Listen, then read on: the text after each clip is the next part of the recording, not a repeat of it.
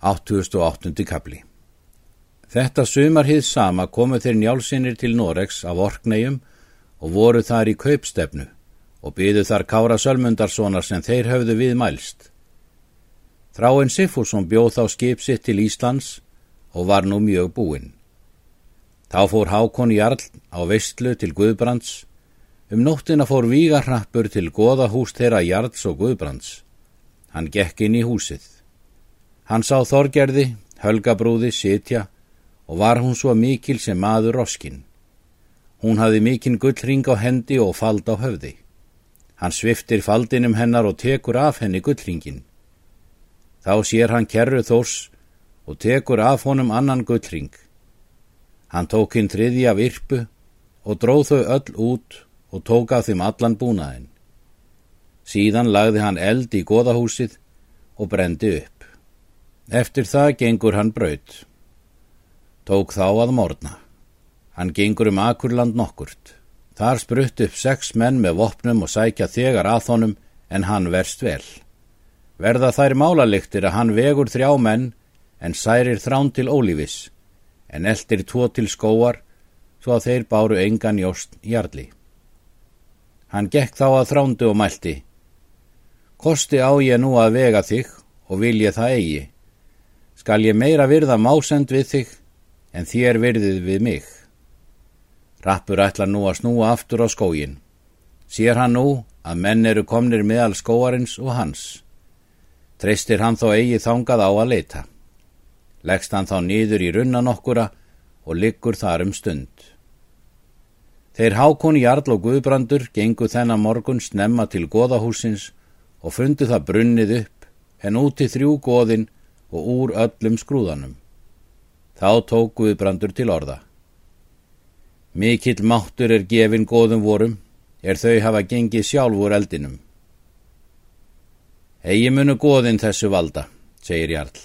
Maður mun brent hafa hofið en borið út góðin. En góð hefna eigi alls þegar. Mun sá maður brautur ekin úr valhöllu og þar aldrei koma er þetta hefur gert. Í því byli hljópu þonga menn Jarls fjórir og sögðu þeim ill tíðindi.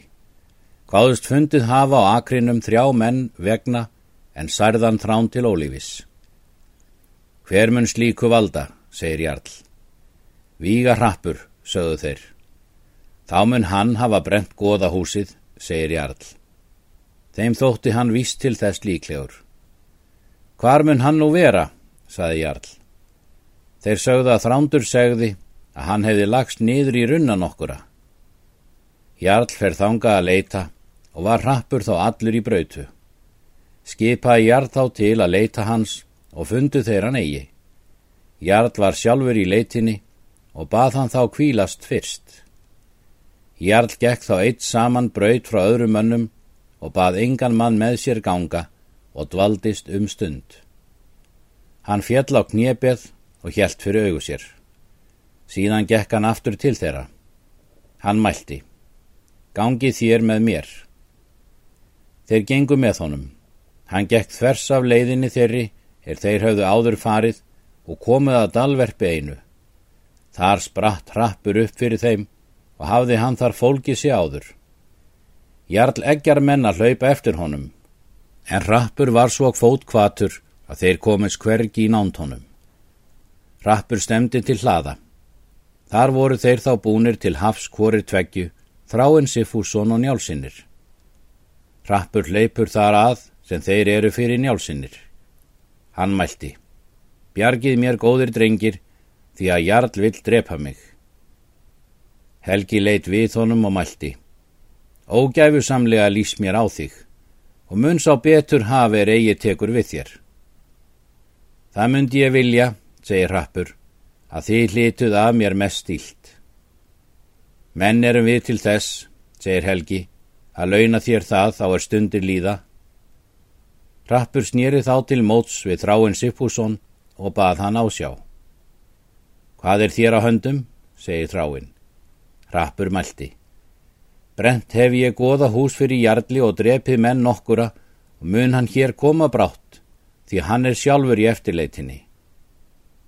Varla samir mér það, segir þráinn, svo mikið gott sem Jarl hefur mér gert.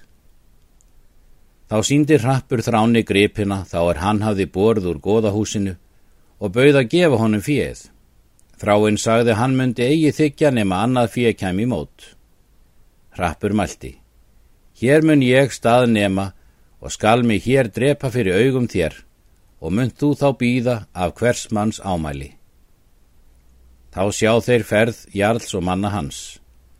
Þá tók þráinn við rappi en let skjóta báti og fluttist út á skipið. Þráinn mælti.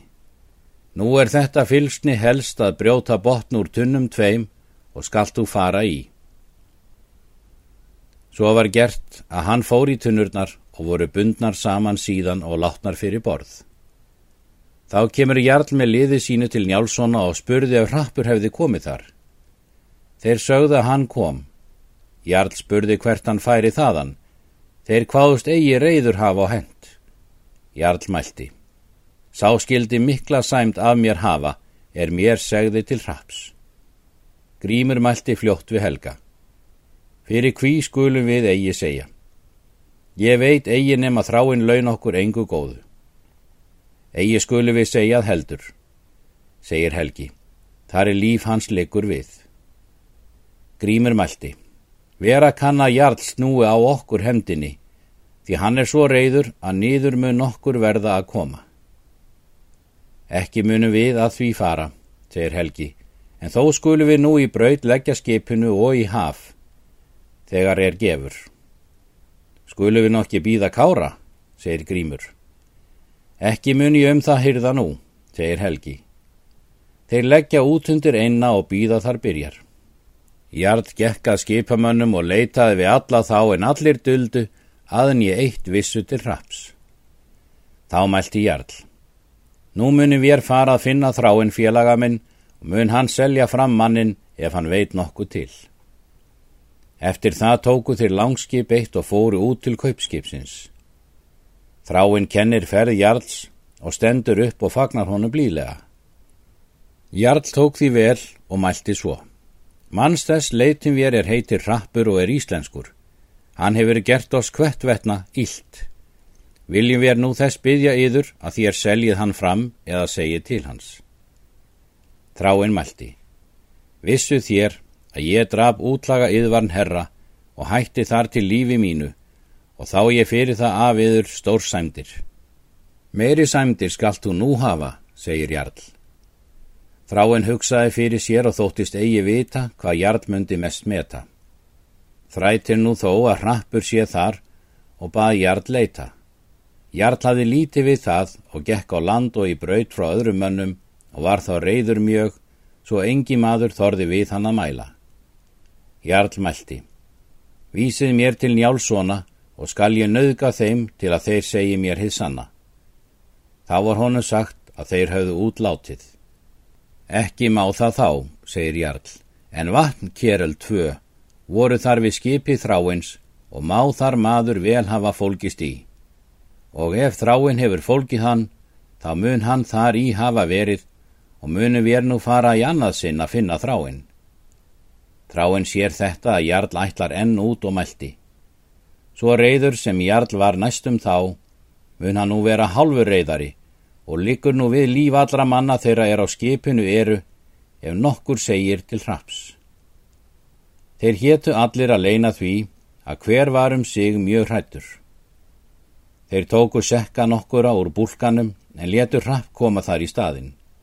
Fórun og aðri sekkar á hann ofan, þeir er léttir voru. Nú kemur Jarl er þeir höfðu um hrapp búið. Þrá en kvatti vel Jarl. Jarl tók hveðju hans og ekki skjótt. Sáu þeirra Jarl var all mjög reyður. Jarl mælti til þráins. Sel þú fram hrapp því að ég veit víst að þú hefur fólkið hann. Hvar mun ég hafa fólkið hann, herra, segir þráin. Hér mun það kunnugast, segir Jarl, en ef ég skal geta til, þá ætla ég að þú hafir áðan fólkið hann í vatnkeraldum þeim, en hér voru við skipið. Egi vildi ég, herra, segir þráinn, að þér vænduð mig lígi, heldur vildi ég að þér leituð um skipið. Þá fór Jarl upp á skipu og leitaði og fann eigi. Þráin mælti. Berið þér mig nú undan herra.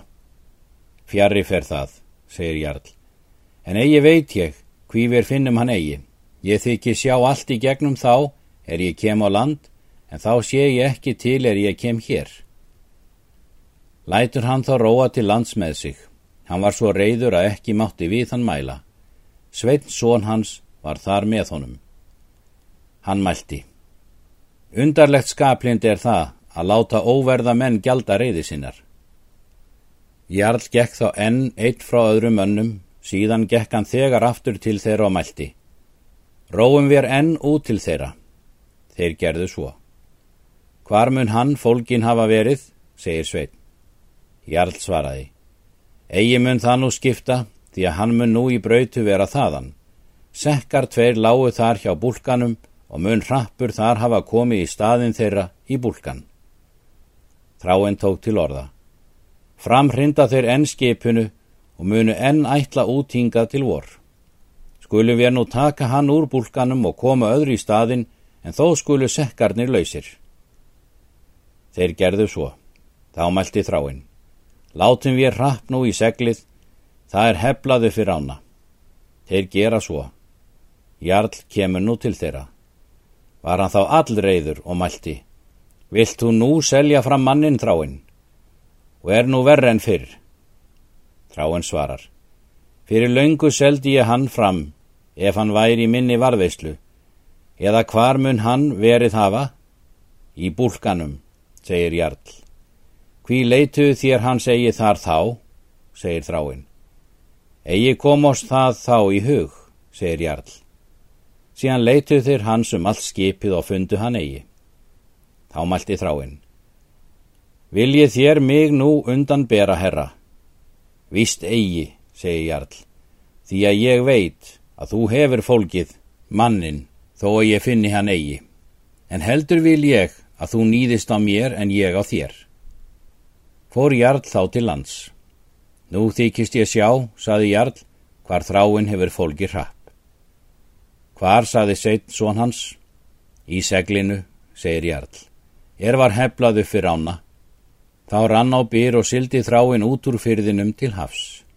Hann mælti þá þetta er lengi hefur uppi verið haft síðan. Látum geisa gammin, gera tráinn væja.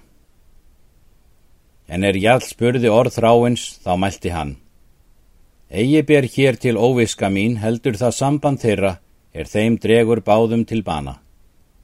Þráin var skammastund í hafi og kom til Íslands og fór heim til búsins. Rappur fór með þránu og var með honum þau misseri, en um vorð eftir fekk þráin honum bú á rappstöðum og bjó rappur þar. Hann var þó lengstum að grjótá og þótti þar öllu spilla. Það mæltu sumur menn að vingott væri með þeim hallgerði og hann fýldi hana, en sumur mæltu því í móti. Þráinn fekk skipið, merði órækju frænda sínum, sá mörður Vó Ott Haldorsson austur í Gautavík í Berufyrði. Allir frændur þráins heldu hann nú fyrir höfðingja.